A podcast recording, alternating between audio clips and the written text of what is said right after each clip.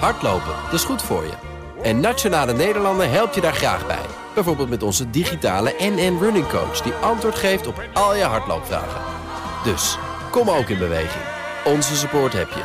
Kijk op nn.nl slash hardlopen. BNR Nieuwsradio. Boekenstein en de Wijk. Hugo Reitsma. Welkom bij deze extra podcast van Boekenstein en de Wijk, de Dacia-aflevering. Normaal op zoek naar de nieuwe wereldorde, nu naar wat er in vredesnaam is gebeurd met de heer Zeilstra. Rob de Wijk, Arend Jan Boekenstein, hoe hebben jullie gekeken naar de episode van deze week? Met gekromde tenen. Echt verschrikkelijk dat iemand zichzelf dat weet aan te doen. Ja. Ik vind het ook verschrikkelijk. Moet je je voorstellen, de Nederlandse regering probeert uh, fake news vanuit Rusland te bestrijden. Ja. En dan ga je zelf fake news verspreiden. Het is gewoon een enorm cadeau aan Rusland. Wat ze vreselijk zullen uitbuiten. En het was ook in alle kranten. De Reuters, Washington Post. Dit is echt een drama van de Het, eerste het kon niet pijnlijker eigenlijk. Ja. En weet je, weet je hoe dit soort dingen komen? Ik kan me zo goed voorstellen hoe dit soort dingen gaan. Hè? Het was dus een speech op het partijcongres in mei 2016. Aan zo'n speech wordt vaak maanden gewerkt door verschillende mensen... en met name ook door de spindoktoren. En misschien is het wel zo gegaan dat... Uh, uh, Halbe gezegd heeft: ja, maar jongens, ik was er niet eigenlijk zelf bij aanwezig. Maar ik vind toch wel dat er geopolitiek wat aan het gebeuren is. Mm -hmm. En toen zegt zo'n spindokter: ja, we moeten het een beetje opleuken. Het moet toch veel indrukwekkender worden. En zeg het nou maar. En misschien heeft Halbe wel gezegd: van ja, maar dat is toch onverstandig, dit kan toch uitkomen? Dan ontploft het in ons gezicht. En ze hebben het toch gedaan. Ja. En maar, ik vind Jan, als je maar, domme dingen doet. Ja, maar er speelt nog iets anders, hè? Dit is ook een super beginnersfout die hier gemaakt wordt. Ja. Ik bedoel, jij en ik die komen uh, op allerlei conferenties, maar op, een, op, een, op een moment dat je gaat citeren en uit een, een semi-openbare of niet-openbare bijeenkomst, en dat was in dit geval kennelijk het uh, geval, want niet iedereen die zat uh, daarbij, dan, dan, en je doet dat naar buiten toe dan weet je bijna zeker dat degene die die uitspraak heeft gedaan, in dit geval Poetin, die wordt hier ooit een keer mee geconfronteerd. Dus dat, dat doe je nooit. Dus uh, voor de meeste bijeenkomsten waar ik zit, uh, daar gelden zogenaamde Chatham House Rules. Dat betekent, je mag wel. Ja, ja het, iets anders. Je mag dus wel zeggen wat daar in algemene zin besproken is, maar je ja. mag nooit het attribueren ja. aan een persoon. Want die persoon die moet nooit geconfronteerd worden via de media met de wijze waarop jij zijn woorden hebt geïnterpreteerd. En dan heb je het zelfs over, uh, wel over dingen die daadwerkelijk zijn gebeurd. Anders ja, dan in ja, dit geval. Ja, en dat wordt altijd aan het begin van zo'n bijeenkomst gezet. En ik kan me nauwelijks voorstellen dat dat hier op zijn minst ook niet het geval was. Dus als je zo'n code breekt, dan ben je eigenlijk ben je al ongeschikt om minister te worden. Ja, dat is waar. En wat er nog bij speelt, als je naar de feiten kijkt. Hè, Halbe was toen projectmanager, extern projectmanager voor Shell. Hij deed dus een, een creditcard, verdiende daar veel geld mee. Maar de gedachte dat iemand van zo'n laag niveau naast Jeroen van der Veer zou zitten, slaat natuurlijk helemaal nergens op. Hè?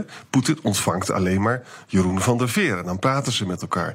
Maar goed, het allerergste is wat Rob zegt, als je gaat lopen babbelen over een geheime bijeenkomst. Uh, ja, dan, dan ben je dus geen gesprekspartner. Maar, maar was dit ook niet juist om, om een beetje zijn, uh, zijn internationale ja. statuur op te peppen? Omdat, ja. omdat mensen ja. daar eigenlijk van, van het begin al aan twijfelden. Ja, maar toen hij dat deed, de mensen die inderdaad internationaal actief zitten, zijn, die wisten op dat moment al, toen hij dat naar buiten bracht, dat je, dit, dat je daarmee je statuur niet opkrikt, mm -hmm. maar hem op termijn te grabbel gooit. Want dit mag je namelijk exact. gewoon nooit doen. Ja. En wat ik er ook zo tragisch aan vind, dus alles is waar wat Rob erover zegt, is dat de strekking van Zijlstra's verhaal, natuurlijk niet het verhaal over oorlog, maar wel het gedachte dat Poetin zich bezint hoe hij zijn invloedssferen kan uitbreiden, hè, dat ging in de politiek ook allemaal van tafel. Dus het feit, hij was niet aanwezig geweest, maar de inhoud klopte ook niet. Er ging ook Thierry Baudet ging daar heel op in, van zie je wel, al jullie verhaaltjes over Rusland is allemaal onzin. Terwijl daar natuurlijk wel een kern van waarheid in zit. Het is inderdaad zo dat Rusland een wat uh, expansionistischer beleid voert. Ja. En, En, en dat is allemaal dus nu ook van tafel. Het was Ja, eigenlijk een enorme overwinning voor de SP en voor de PVV. Nou ja, en, voor, voor is, eh, Arend Jan, eh, dat is allemaal waar. Maar de Russen zeggen het zelf ook. Ik bedoel, je hoeft alleen maar bijvoorbeeld te beginnen met hun militaire doctrine uit 2010. En je ziet gewoon wat ze van plan zijn. En welke methodes ze toepassen. Daar doen ze ook helemaal niet eens ingewikkeld over. En dat is natuurlijk. Kan je zo- kan je zo zien. Ja, dat kan, dat kan je gewoon van internet halen. Google in eh, militaire doctrine 2010 Rusland. En je haalt hem er zo uit. En de hele trits van andere verklaringen en doctrines over het buitenlandse defensiebeleid die staan er allemaal in. En als je dat allemaal op een rij zet, dan denk je, nou, daar word ik dan toch niet direct 1, 2, 3 vrolijk van. En in het MH17-dossier, dat natuurlijk nog, nog blijft lopen, zal Ja, Rusland dit ook kunnen gebruiken? Maar natuurlijk, Ja. eh, eh, zeker. Want eh, daar, gaat, daar botst het ook hard. Rusland die heeft zijn eigen verhaal. Ja, op het moment dat je dus eigenlijk eh, beschuldigd wordt zelf van fake nieuws... dan heb je geen poot meer op te staan. Maar dit raakt Het Nederland ook, hoor. Dit raakt Nederland ook. En wat ook nog belangrijk is, dat gebeurde in 2006, hè, dat Jeroen van der Veer in die Dacia zat. Russische experts zeggen nu van ja, toen speelde het nog niet zo bij Poetin. Maar ik heb eens na zitten kijken. Zijn opmerking over dat de uiteenvallen van de Sovjet-Unie de grootste geopolitieke ramp van de, e- van de 20e eeuw was, dat deed hij in de Duma in 2005. Mm. Dus e- eerlijk gezegd was het toen ook al duidelijk dat Rusland, dat Poetin gewoon een beleid, pakken, de kansen pakken die je pakken kan. Maar natuurlijk, maar direct na de val van de, van de Sovjet-Unie, toen Rusland werd eh, gecreëerd, werd het toch ook onmiddellijk besloten om weer direct eh, in te zetten op het herstel van de invloedssferen. Toen eigenlijk een jaar daarna is alweer de collectieve verdedigingsorganisatie opgericht. Ja. Dat heeft uiteindelijk geleid tot een Euro-Aziatische Unie als een soort tegenhanger van de Europese Unie begin 2015. Nou, zo kan ik nog wel even Maar doorgaan. nog iets anders dan de Baltische Staten binnenvallen.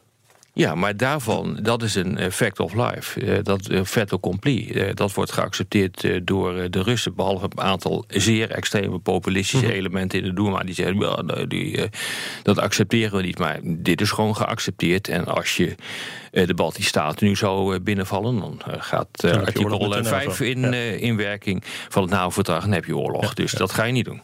Heel schadelijk dus eh, voor Ja. Nederland dit. Is dit ook iets wat blijft? Of is men dit... Het is natuurlijk ook gewoon een heel raar ding. Is men dit over eh, een paar maanden weer vergeten? Nee, dat blijft, dat blijft wel. Omdat, om de Maar wat je wel dodenfout is een ander land. Hè? Ja. Ja. Ja, maar wat je wel kan doen is, als je dus, dat zullen diplomaten ook proberen, van luister eens, eh, zo gaat het dan. Die- deze man is ook afgetreden zelf. En we hebben een nieuwe man of mevrouw gevonden. En die heeft daar helemaal niets mee te maken. Die, die heeft dit, dit soort opvattingen. Dat ga je proberen te doen. Ja, maar, goed, het dat is zo. Alleen voor binnenlandse consumptie in Rusland werkt dat anders. Omdat is individuele waar. verantwoordelijkheid is gewoon niet zoveel geldt eh, als hier, eh, als hier is in waar. Nederland. Hier eh, is het gewoon gekoppeld aan een individu. Individu weg, nieuwe situatie. In Rusland heb je een heel andere politieke cultuur. En eh, daar is het eh, feitelijk het, het conglomeraat van de staat bepaalt veel meer. Dus dat blijft gewoon hangen. En je moet dus eh, nooit vanuit ons perspectief kijken naar wat Rusland daar wel van zal gaan vinden. Maar je moet naar de Russische politieke Mhm. cultuur kijken... om vervolgens te kunnen bepalen wat daar gebeurt. En als je dat doet, nou, dan blijft dit nog wel even rondhangen... en dan krijg je dit voortdurend ook weer op je bord. Dat kan niet anders.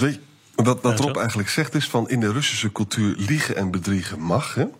En, nu, en nu, zullen ze zeggen van oh, dat, daar zijn we altijd bezwaar tegen. Dat doen dat jullie doen zelf jullie ook. ook. Ja, exact. Ja. Zo gaat het. Heel schadelijk dus eh, voor Nederland. Arjan, hoe schadelijk is dit ook voor de VVD? Want ik ben de tel een beetje kwijtgeraakt, maar het is wel de Nou, zoveelste. is, dit is natuurlijk heel ernstig. Dit is echt heel ernstig. Ook met name omdat.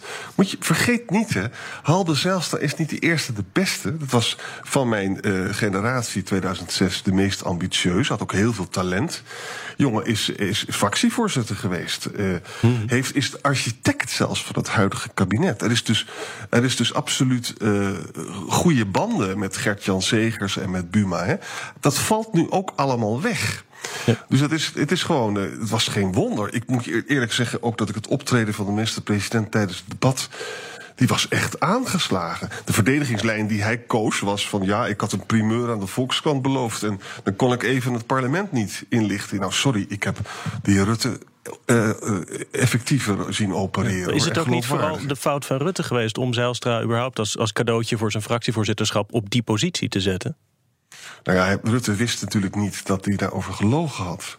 En, eh, en, en bovendien was ook zo van. eh, ik moet je eerlijk zeggen. Ik was ook ongelooflijk verbaasd dat, dit, dat ze dit hebben gedaan. Dit is, dit is, is zo ontzettend onverstandig, dit. Ja, dit doe je toch gewoon niet? Je, kan, je schiet gewoon in je eigen voet. Ja. We zijn er allemaal een beetje flabbergasted over eigenlijk. hè. Dat Ja, exact. Ja, merk de grote vraag is natuurlijk nu, wie, wie, gaat, wie, gaat, wie gaat hem opvolgen? Ja, zeg het eens op. Ja, je kunt eh, twee eh, redeneringen ophangen. Je kunt eh, in de bak met eh, usual suspects gaan graaien... en dan kom je uit bij eh Ant en Broeke. Je kunt eh, Hans van Balen terughalen uit eh, Brussel. Eh, Janine Hennis zou in wezen de beste kandidaat zijn... want die heeft ervaring, eh, kan een vliegende start maken. Maar goed, die heeft wel een paar akkefietjes achter de rug. Of je kan het andere scenario gaan eh, pakken. Eh, en dat is eigenlijk het defensiescenario... waar twee totaal onbekende, Bijleveld en Visser... in één klap minister en staatssecretaris werden. Waar niemand had gedacht, inclusief ik niet. En die werden ineens minister en staatssecretaris. En die doen dat op dit ogenblik eh, niet slecht hoor, moet ik eh, zeggen. Het zou me niet verbazen als voor een dergelijk scenario wordt eh, gekozen. Want eh, er moeten goede redenen zijn voor, voor de VVD... om, om, om Van Balen, Ten Broeke en Hennis nu niet weer te vragen. Eh, anders hadden ze dat namelijk in het verleden al lang gedaan. Eh, mensen als Van. Balen en, en, Ja. en, en Ten Broeke, zeer capabele mensen... die ik graag op die post eh, zou zien. Dat zullen ze het hartstikke goed doen. Maar op een of andere manier worden ze dus con- continu worden zij, worden zij gepasseerd. En daar moeten dus redenen voor zijn. Ja, ik, kan, ik ben geen VVD'er, ik kan niet eh, in het hoofd kijken van eh, Rutte... maar er zullen ongetwijfeld redenen voor zijn om dat niet te doen. Arend-Jan, wat, eh, wat zijn jouw eh, beste speculaties? Nou kijk, eh, de- kennelijk is het dus zo dat eh, Van Balen is zo vaak nu gepasseerd. Hè. Waarschijnlijk heeft dat zijn oorsprong in het feit dat hij in de tijd voor Verdonk heeft gekozen en niet voor Rutte. En Rutte onthoudt dat soort dingen. Hè. Nou, Hand en Broek is ook ge- gepasseerd. En met Hennis heeft natuurlijk het probleem met Mali. Het komt een beetje te vroeg. Met andere woorden, de VVD heeft echt een serieus probleem. Er is één naam die me te binnen schiet. Als ze het zelf zou willen, dan zou ze het kunnen krijgen. En dat is Edith Schippers. Edith Schippers heeft veel meer belangstelling voor buitenlandse politiek dan mensen denken. Dat heb ik in de fractie ook meegemaakt. Het is natuurlijk ook echt een zwaar gewicht eh, binnen de VVD. Uitstekend minister geweest, ja. Ja, ik, ik ben alleen bang dat ze, dat ze zelf eh, misschien heel graag eh, wat rustiger aan wil doen. Want als ze deze hier ja tegen zegt, dan. eh, Ja, want ze willen de politiek uit, hè? Ja, En dan, dus is- en dan teken je weer voor een aantal open jaren. Ik weet niet of je daar nou zoveel zin in hebt, hoor. Ja. Maar als ze ja zou zeggen, dan zal Ja, dat zou een Rutte goede zijn, dat- hoor. Ja. Ja. En Rutte en, en, en eh, Schippers die kunnen dat ook heel goed met elkaar eh, vinden. Ja. Volgens mij eh, zijn wij eruit. Het wordt Schippers. Ja. Aanbeveling van, eh van Boekestein en de Wijk. Boekenstein en de Wijk zijn eruit. Dit was een speciale Dacia Gate aflevering van Boekenstein en de Wijk. En u weet ons te vinden op de podcast. Hardlopen, dat is goed voor je. En Nationale Nederlanden helpt je daar graag bij. Bijvoorbeeld met onze digitale NN Running Coach... die antwoord geeft op al je hardloopvragen. Dus, kom ook in beweging. Onze support heb je. Kijk op nn.nl slash hardlopen.